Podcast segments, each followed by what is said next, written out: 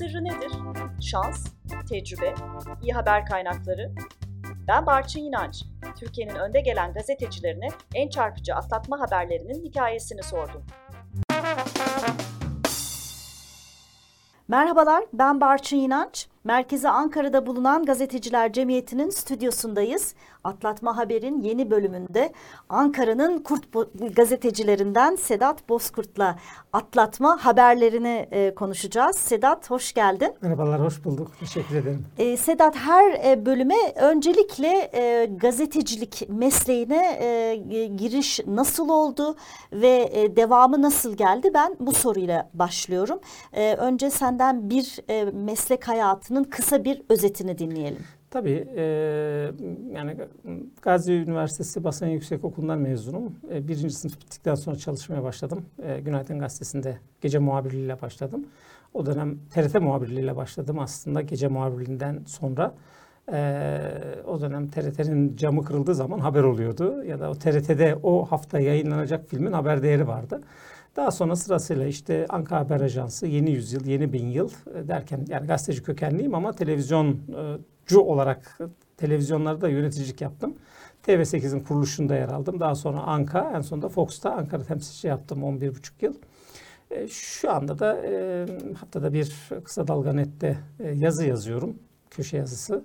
Eskinin tabiriyle köşe yazısı internette ne diyeceğiz bunlara bilmiyorum. E, haftada bir de Medyaskop'la Tele1'de e, düzenli olarak e, yorumda bulunuyorum. Yani gazeteci yorumları yapıyorum öyle söyleyeyim. Çünkü oradaki yorum dediğiniz zaman çok geniş bir alanı kapsıyor. E, meslek hayatım bu. E, peki kaç sene toplamda aşağı toplamda yukarı? Toplamda 34 bitti. 34 bitti. O gelecek sene bir kutlama yapacağız yani illaki. Yaparız itinayla. Yapalım. e, şimdi bana bir zaman makinesi eşlik ediyor bu e, podcast e, dizilerinde. E, senin de e, birden fazla e, tabii atlatma haberin var. E, ama birincisi için önce bizi e, 1994 Ankara'sına götüreceksin. Evet götüreceğim. E, şimdi şu, şöyle bir kısa bir not vereyim bunları anlatmadan önce. Biz Ankara gazetecileri çünkü farklı yani işlevsel olarak farklı. Yani nitelik olarak söylemiyorum bunu. E, çok günlük tüketiriz. Her sabah gündeme haber vermek zorundayız. Ee, ve o günlük bir koşuşturmacada atlattığımız haberleri biz kendimiz kayıt altına bile almayız tüketiriz ve arkamıza bakmayız. Tüketiriz ve arkamıza bakmayız. Bazen ne olup bittiğini anlamamız için şöyle yukarıdan bir bakmamız gerekir. Çok doğru. Ona bile zaman bulmayız. Yani o nedenle e, hani e, çok sıradandır bizim için atlatma haberler. Yani iz, imzamızın, adımızın yer aldığı, gazete tabiriyle imzamızın yer aldığı her haber özel haberdir ve bize e, özgüdür. Bizim emeğimizle, bizim e, çabamızla çıkmıştır ve öyle gazetede yayınlanmıştır. Bunların hepsi atlatma haberdir. Tatlı bir rekabet vardır. Bu rekabet hiçbir zaman için yakın e, meslek arkadaşlarımızla aramızın bozulmasına neden olmaz. Siz onları atlatırsınız, onlar sizi atlatır. Akşamleyin bunu e, gülerek birbirinizle e, konuşursunuz. Keyif yaparsınız. Dayanışma da vardır. Tabii dayanışma yok diyemeyim. Yani o rekabetçi bir meslek olmasına rağmen sonuna kadar da arkadaşlara dayanışırız. Bu 94 yılında başbakanlık muhabiriyim. O zaman DYP'yi izliyorum. Ee, DYP'yi muhalefette de izliyordum. Demirel bir okuldur tabii ki. Onu da altını çizelim. Ee, yani bütün gazetecilerin biraz Demirel okuluna gitmesi lazım. Başbakanlıkta e, Demirel Cumhurbaşkanı olduktan sonra Tansu Çiller Başbakan oldu. Murat Karayalçın da Başbakan Yardımcısı oldu. Güvene dayalı ilişki kurmak zorundasınız siz. Ben başbakanlığa gidiyorum çünkü o zaman başbakanlığın bütün katlarına gidebiliyordunuz. Kafeteryasında yemek yiyebiliyordunuz. Çay ocağından çay içebiliyordunuz. Şimdi evet, sokağına... Neredeyse haberler için di, di, e, koridorları volta e, tabii, tabii, tabii, atıyorsun çok, sürekli. Tabii. Şimdi e, oradaki çaycılarla da iyi geçiniyorsunuz. Odacılarla da iyi geçiniyorsunuz. Odacıların bir belge sağa sola götüreceği zaman çok rahat bir şekilde çağırıp ya Kazım abi gelsene diyoruz. Dosyayı karıştırabiliyorduk yani. E, bu ilişki güvene dayalı bir ilişkiydi e, ve bir sizinle dayanışma halinde oluyorlardı. Bürokratlar da dahil yani basın müşavirleri, özel kalem, özel kalem müdür yardımcıları, koruma müdürleri, koruma müdür yardımcıları da dahil olmak üzere. Çünkü bütün günümüz 8-10 saatimiz oralarda geçiyordu. E, bakanlar Kurulu haftada bir toplanırdı ki o dönem çok fazla toplanıyordu. Bazen Demirel'le İnönü zamanında haftada 3'e 5'e de çıkıyordu bu sayılar. Ee, Çiller'le e, Murat Karayalçın toplantısı rutindi, fix. Haftada bir net toplanması gerekiyordu. E, ben bilmiyordum. Daha sonradan öğrendim. Meğersem Bakanlar Kurulu'nda bir e, Bakanlar Kurulu tutanağı tutulurmuş. Yani orada neler konuştuğunduysa onları tutarlarmış tutanak olarak. Devlet kayıtlarına geçsin diye. Geçsin diye. Değil mi? Tabii. Evet. Şimdi şimdi yok galiba. Maalesef. Evet. Onun bir altını çizelim. Tabii. Ee, iyi oldu hatırlattın. Ee, bunu da işte hükümet sözcüsü olarak Bakanlar Kurulu'nun hakkında bilgi verecek devlet bakanı yapardı. O zaman Yıldırım Aktunay'dı. Bunu ben öğrendim. Çünkü onun özel kalemi arkadaşımdı. Onun yanına çay kahve içmeye giderdik. Sohbet ederlerken arada gördüm bunu. Bir gün gene yanına gittim. Bir baktım masanın üstü kimse yok odada. Masanın üstünde Bakanlar Kurulu tutanakları var. Üstünde çok gizli damlalar var. Gazetecileri biliyorsun haber e, şehveti sardığı zaman o, ona hiçbir şey engel olamaz. Evet, beni ama tabii burada asıl e, e, e, ga- garipseten olay özellikle bugünün Türkiye'sine baktığımızda başbakanlık, bakanlıklara girmenin ne kadar zor olduğu İmkansız sokağına sokmuyor. neredeyse. Yani sen başbakanlığa girmişsin, başbakan özel kaleminin odasına giriyorsun ve hiç kimse yok odada. Tabii hiç kimse yok. Yani Yani başbakan çok şanslıymışsın diyesin var ama Ya gerçekten öyleydi. Ee, başbakanın odasının önünden geçip oraya gidiyordunuz. Yani orada başbakanla da karşılaşabilirdiniz. Hatta bir parantez açayım hemen. E, Nüket Büyük Yıldırım o zaman e, Sabah gazetesi adına başbakanlığı takip ediyor. Basın bürosunda oturuyoruz. Tost söyledi kendisine. Tost geldi. Tostu bir ısırdı. Bir baktı tostun sarıldığı kağıt çok gizli ibareli bir devlet belgesi. Ve ertesi gün sabahın manşetiydi. Ha. yani bazen de haber ayağınıza geliyordu. Yani bu Evet. derece iç içeydiniz devletle. İşte onun belki altını çizmek lazım. Yani o zamanlar gazeteciler o sistemin e, e, yani Bir unsuruydu, bir parçasıydı. Evet, Düşman ha, değildi. Aynen onu onu söyleyeceğim. Tabii. Yani orada senin olman aslında doğal karşılanıyor. Tabii. Seni bir düşman unsur olarak görmüyor. Sistemin bir gereğiydi basının orada olması. Çünkü orada biz kamu adına görev yapıyoruz. Kamu adına iktidarı, siyasi iktidarı, devleti denetliyoruz. Oradan denetleme dediğiniz nedir işte? Haberleri bulup insanlarla paylaşıyorsunuz. O paylaştığınız insanlar da ona göre seçimde, tercihte bulunacaklar. Ya mevcut iktidarı devam etmesini isteyecekler ya da mevcut iktidardan vazgeçip kendisine daha iyi şeyler vaat eden muhalefeti iktidara getirecekler. Burada medya yani demokrasinin olmazsa olmazı medya. Yani halk bu tercihini yaparken bu bilgiye bağımsız medya sayesinde e, sahip olur. O zaman öyle ya da böyle bağımsızlık. Yani şu hiçbir zaman için aklımıza gelmezdi. Haberse e, biz yazıp e, istihbarat şefimize, haber müdürüne teslim ettiğimiz zaman o haberin yayınlanmama ihtimali olmazdı. Sadece orada bizi gıcık eden şu olurdu. Bize göre manşetti. Niye kısa kullandılar ya Tabii. da küçük kullandılar. Tabii. Şeyimiz buydu, Aynen. itirazımız buydu. Peki sen odaya girdin Odaya ve birdenbire masanın üstünde, Üstünde şeyi gördüm. Bakanlar Kurulu tutanakları gördüm. Hem de bir deste halinde. Açtım baktım en güzeli bir tanesinde Murat Karayalçın o zaman da Dışişleri Bakanı. Ee, Yunanistan'da bulunan PKK kampları o zamanlar gündemde ve örnekte bulunuyor. Diyor ki işte İsrail nasıl Filistin'deki ya da Suriye'deki e, şeyleri işte kendisine göre tırnak içinde söylüyorum. Terör örgütü varsaydığı insanların kamplarını bombalıyorsa biz de Yunanistan'dakileri böyle bombalayalım diye bir e, görüşte e, bulunmuş. E, ben de onu o, o zaman işte fotokopi çekme ihtimalim yok, not alma ihtimalim yok. Hani şimdiki gibi akıllı telefonlar e, zaten yok. e, ama teybimiz var yanımızda, hep teybi götürüyoruz. Onları teker teker teybe okudum. Ve her an içeri birisi girebilir Her an yani. bir içerisi bir, bir girebilir ve düşünsenize yani bir tarafta masanın üstünde gizli bakanlar kurtaranaklar var. Ben de onun başında teybe okuyorum, okuyorum böyle. Ee, ama bu bu şey yani orada bunu düşünmüyorsunuz. Haber her şeyin önüne geçiyor. Herkesi atlatacaksınız ya yarın manşet çıkacak. Şey e, Evet. siz e, bütün meslektaşlarınız rekabet halinde olduğunuz bütün meslektaşların önünde bir adım önde falan yer alacaksınız. Yani böyle bir yarış halindesiniz zaten. Ee, engelleyemiyorsunuz bu Ve de burada haber işin güzel şehvetini. tarafı yani e, e, tamamen e, kaynağından alıyorsun. Yani teyit etmene, Hiç gidip gerek de yok. sormana e, gerek Kaynak yok. benim de. Evet, ben gör- direkt gören orijinal benim. belgeyi almışsın Tabii. ve bunu haber yaptın. Tabii, Tabii. çok önemli bir haberdi el, O, elbette değil o mi? zaman için güzel bir haberdi. Ben o zaman Anka'dan e, Dinç Bilgin grubuna geçmiştim. Dinç Bilgin grubu iddialı bir dergi çıkaracaktı. Ateş diye bir dergi çıkaracaktı. E, çıktı da o dergi aslında. Ve e, şu anda elinde elimde görüyorum dergi, senin e, bu dergiyi. Tabii şey bir bir sayı çıktı. Bir sayıdan sonra da e, kapandı. Yani Ama en bu haberim önemli- burada en önemli atlatma haberim. Yani benim için bir e, prestij olabilecek, CV'mde yer verebileceğim bir haber. tek sayı çıkan bir e, dergide yer aldı. O yüzden o dergiyi iyi, iyi bakıyorum, iyi, iyi saklıyorum. Ama şey yani e, bu hani genç kuşaklara aktarılması açısından bu haber şehvetini mutlaka tatmalar lazım. E, hani böyle adrenalin e, işte paraşütçüler e, muhtelif hani marjinal sporlar yapan insanlarda çok rastlanır. E, biz de belgesellerde izlerken görürüz ama yaşamak başka bir şey tabii. Evet.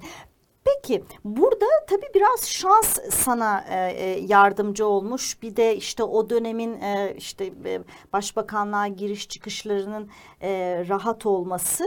E, bir sonraki e, atlatma haberinde ise çok özel bir e, strateji seni atlatma habere e, götürdü. Bu sefer bizi 1995 yılına e, götürüyorsun. Tabii yani Doğru Yol Partisi'nden sonra ben e, Refah Partisi'ni izlemeye başladım. Milli Görüş Hareketi'ni izlemeye başladım. En uzun izlediğim e, hareket de Milli Görüş'tür. E, bir iğme yakaladılar. 91'de bir ittifak modeli geliştirmişlerdi. E, işte MHP o zamanki MHP'nin adıydı. Islahatçı Demokrasi Partisi. Üçü birlikte bir ittifak yapmışlardı ve parlamentoya 38 milletvekiliyle girmişlerdi. İyi muhalefet yapıyorlardı. E, bunların iyi muhalefet yapmasının ötesinde iktidar koalisyondu işte DP, SP koalisyondu ve kötüydü. Bu nedenle e, Refah Partisi ön aldı ve iyi çalışıyordu tabanda da e, bir iktidara gelme ihtimalleri vardı. Nitekim 94-95 yılında yapılan seçimlerde iktidara da geldiler.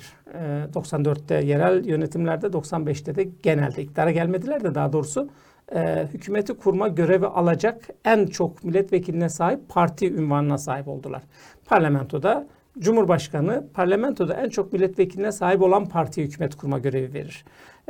Eski sistemle. Eski sistemle. evet eski sistemle hatırlatmak lazım. Altını çizmek lazım. Sen de yap bu işi. Ee, burada e, güven oyu alması gerekiyordu kurulan hükümetinde. O güven oyu alacak milletvekili sayısı yoktu. Onun için birisiyle koalisyon ortaklığı yapması gerekiyordu. Ee, önce bir ANAP'la DYP birlikte bir hükümet yapmayı düşündüler ama Mesut Yılmaz'la Tansu Çiller iki yüksek egolu siyasetçi bir arada 3 ay e, hükümeti götüremediler. O bitince önce ANAP e, Refah Partisi ile bir hükümet görüşmeleri yaptı ama askerler istemiyor diye vazgeçti. Oysa ki e, Refah Partisi Doğru Yol Partisi'nin kendisiyle ittifak yapması, doğrusu koalisyon hükümeti kurması için Tansu Çiller hakkında gen soru önergeleri vermişti. Soruşturma komisyonları önergeleri vermişti. Bu Tansu Çiller'in e, Yüce Divan'da yargılanmasının yolunu açacaktı. Bunun önünü kesebilmek için Tansu Çiller Refah Partisi ile koalisyon hükümeti kurmaya mecbur kaldı. Nitekim o koalisyon hükümeti kurulduktan sonra da zaten bu soruşturma komisyonlarının tamamında aklandı. E, şimdi bunun görüşmelerini yapıyorlar. Tabii ki koalisyon görüşmeleri zor geçer. E, çünkü bakanlık pazarlığı yapıyorsunuz. İşte Milli Eğitim sende kalsın, işleri bende olsun. İki tane icracı, icracı dedikleri ihale dağıtan bakanlıklar. Bayındırlığı bize verin, enerji sizde kalsın diye. E, bu, bu görüşmeleri de çok gizli saklı yapıyorlar. O zaman gazeteciler haberin peşinde koşuyorlar. Şimdiki gibi haberden kaçmıyorlar. Haber şimdi cıs oldu, tehlikeli bir şey oldu ama o zaman öyleydi. Hatta e, bir e, bunların gizli bir görüşmesini e, takip ederken birkaç arkadaşımız gözaltına da alındı. E, resmi görüşmeleri, heyetler arası görüşmeleri mecliste yapıyorlar. Meclisin e, ikinci katında e, Refah Partisi'nin grup toplantısının grup o, grubunun olduğu bölüm var koridorda. Her koridorun e, başında ve sonunda da birer tane tuvalet var. Ve o koridora o görüşmeler yapılırken girmemizi engelliyorlar. Polis geliyor oraya giremezsiniz diyorlar. O yüzden önceden girmeniz lazım orada bir yer almak istiyorsanız.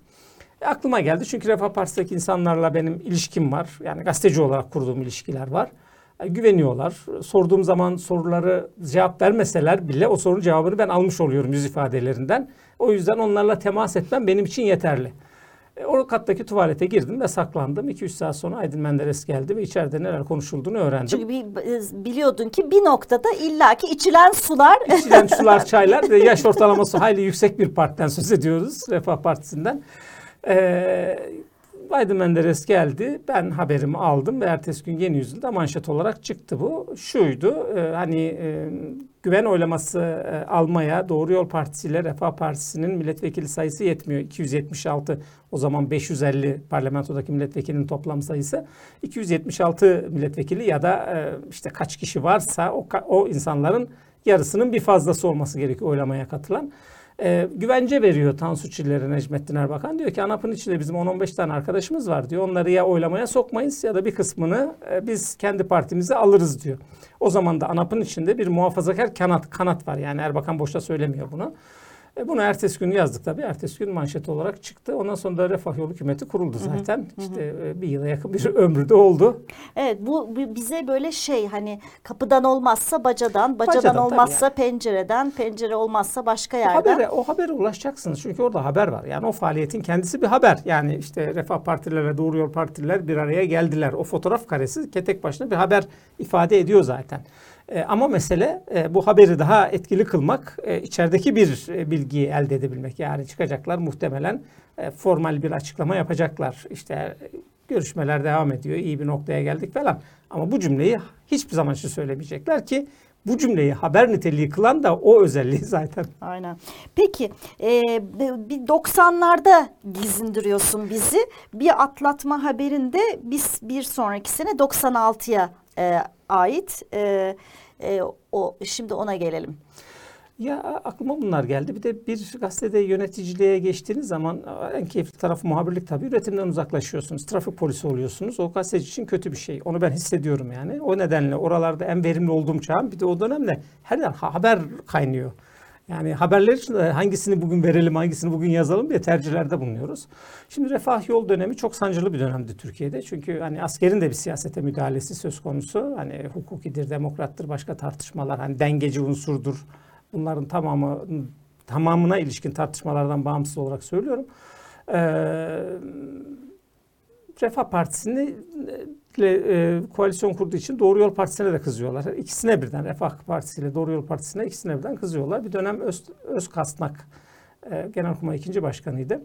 Bir açıklama yaptı durduk. Durduk yerde değil aslında sürekli olarak askerlerden bu tür açıklamalar geliyordu ve o zaman o günkü iklim nedeniyle de bütün gazeteler bunları çarşaf çarşaf yayınlıyorlardı. Haber değeri olsun ya da olmasın. Haber değeri kılan açıklamayı yapan insanlardı. Bunların asker subay komutan olmalarıydı.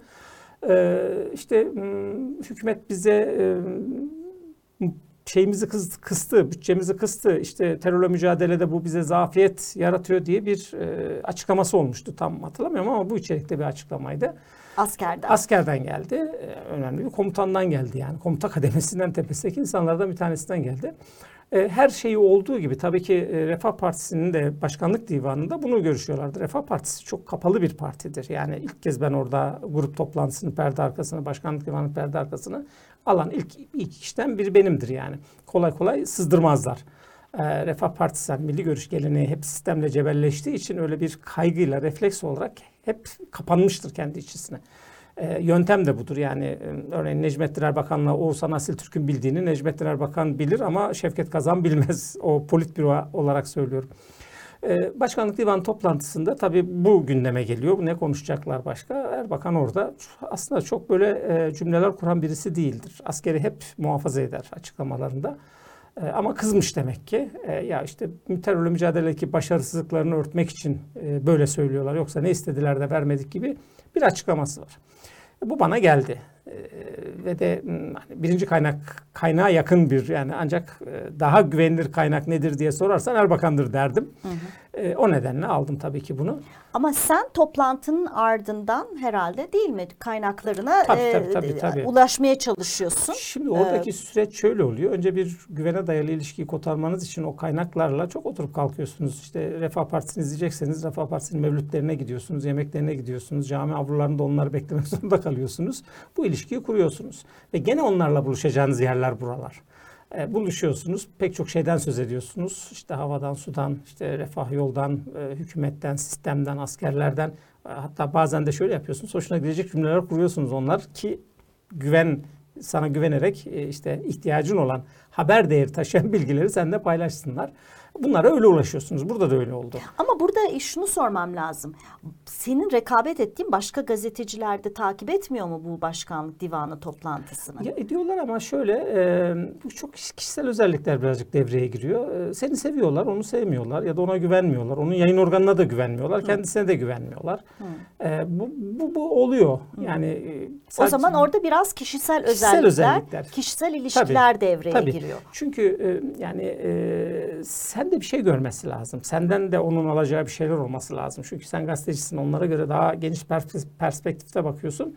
Ve o perspektife onların çoğunun ihtiyacı oluyor. Bir meseleyle karşılaştıkları zaman bunu bir siyasetlerin ürünü haline getirip dillendirmeleri gerekiyor. Bir de şöyle bir durum var sanıyorum. Bir deneme yanılma sürecinden de Tabii, geçiyor. Yani diyelim ki seni. bir haber kaynağı sana bir bilgiyi aktarıyor. Senin o bilgiyi ertesi gün nasıl yayınladığın, nasıl yorumladığın, nasıl e, e, e, e, habere çevirdiğin onu da bakarak e, e, o performans da ileriki ilişkinize bir anlamda e, damgasını da vuruyor. Eğer e, sen o bilgiyi doğru bir şekilde okumadıysan ya da farklı unsurlarla içini besleyip e, e, başka bir yere götürdüysen bunlar tabii negatif e, unsurlar olunca o ilişki olumsuz da etkileyebiliyor. Hemen kesilir. Hemen kesilir. Zaten sürekli bir teste tabi tutar sizi o e, haber kaynaklarınız. Bu bürokrat da olabilir, siyasetçi de olabilir e, yani sürekli test eder. Yani bazen bunu yazma ya da bunu yazarsan şunu yazma ya da şöyle yazma gibi bir e, telkinle de karşılaşıyorsunuz ve e, bütün haber sihrini kaybediyor orada. Oysa ki e, ambargo koyduğu e, kısım oradaki en büyük haber değeri evet. olan yer çoğu zaman yazmıyorsunuz. Tabii. Evet bu, ama bu, bu da baş... bir alver ilişkisi. Yani bu, şöyle yapıyorsun. Meselesi, ben bugün bunu yazmam ama biliyorum ki iki gün sonra başka bir soruyu sorduğumda en azından bana o cevabı e, verecek. O evet, zaman tabii. kullanırım o krediyi Geleceğe diyorsun. yatırım yapıyorsunuz. Evet. E, ama şeydir gazetecinin sermayesi kurduğu bu ilişkilerdir. Ne kadar çok geniş insanla bir ilişkiniz varsa e, o kadar çok haber ulaşır. Bir de e, güvenilir kaynaktan aldığınız haberi yayınladığınız ve yayınladığınız haber de ses getiren bir haberse artık size istihbarat yağmaya başlar. Yani Hı. her türlü yani e, insanlar size ararlar. Çünkü bir, bir şekilde bir niyetle hareket eder haber kaynağı da. Ya bu haberin yayınlanmasını ister, bu haberden bir e, kişisel olarak, politik olarak ya da bürokratik olarak bir menfaati vardır. E, kurumunu muhafaza ediyordur. Hep olumsuz tarafından bakmıyorum. Ve bu size ilettiği haber yayınlanırsa kurumunu zarara sokacak iş olmayacaktır. Kurumunu muhafaza etmenin yolu buradan geçiyordur, sızdırır. Nitekim dışlarında de çok yaparlar bunları.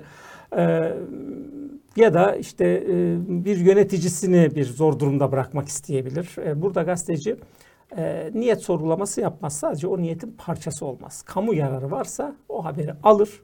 Değerleri içinde, e, kura, etik kuralları içinde o haberi kamuoyuyla paylaşır. Onun görevi odur yani. Öbür taraftan bir ahlaki sorgulamaya girerse e, ya da bir niyet e, tahlili yapmaya kalkarsa e, demeçleri bile yazamayacak bir noktaya gelir. Hepsi bir niyetle yapılıyor çünkü. Evet. O zaman 1996'da sen e, koalisyon hükümetiyle askerin ilişkisinin son derece e, e, kırılgan olduğu ya da e, e, gergin olduğu bir noktada e, Erbakan'ın ağzından askere dönük çok e, ciddi bir çok suçlamaya dair aldığın bu bir cümleyi aldın ve manşet yaptın manşet değil mi? yaptım. Daha devamı var bunun. E, aslında devamı daha ilginç. E, hemen Erbakan çünkü bunu düzeltmesi lazım. E, basın toplantısı e, yaptı e, haberin çıktığı gün o, annem bir karar vererek planlanmamış basın toplantısı yaptı. Basın toplantısını da il binasında yaptı. Ee, hani başbakanlıkta falan değil. Ee, tabii biz de mecburen gittik. Tabii bir taraftan da korkuyorum. Şimdi yalanladığı zaman elinde belgen yok, bilgin yok. Yani sadece gazeteci olarak sen kendi e, olanaklarını kullanarak teyit ettiğin bir bilgiden söz ediyoruz. E, oturduk. Fehmi Çalmuk vardır. Milli Görüş Hareketi'nin içinden de gelmiştir. Uzun yıllar Milli Görüş'te izlemiştir. E, Erbakan geldi karşımıza. Biz en ön sıradayız tabii ki. E, başladı anlatmaya. Uz, uzun konuşurdu o meseleye gelmeden önce. Bir, bir saat falan konuşurdu. Gene bir saat falan konuştu. Ondan sonra meseleye geldi. E, gözüme bakmadı tabii başka yere bakarak. Dedi ki yani sen orada mıydın? Kulaklarına mı duydun, duymadın?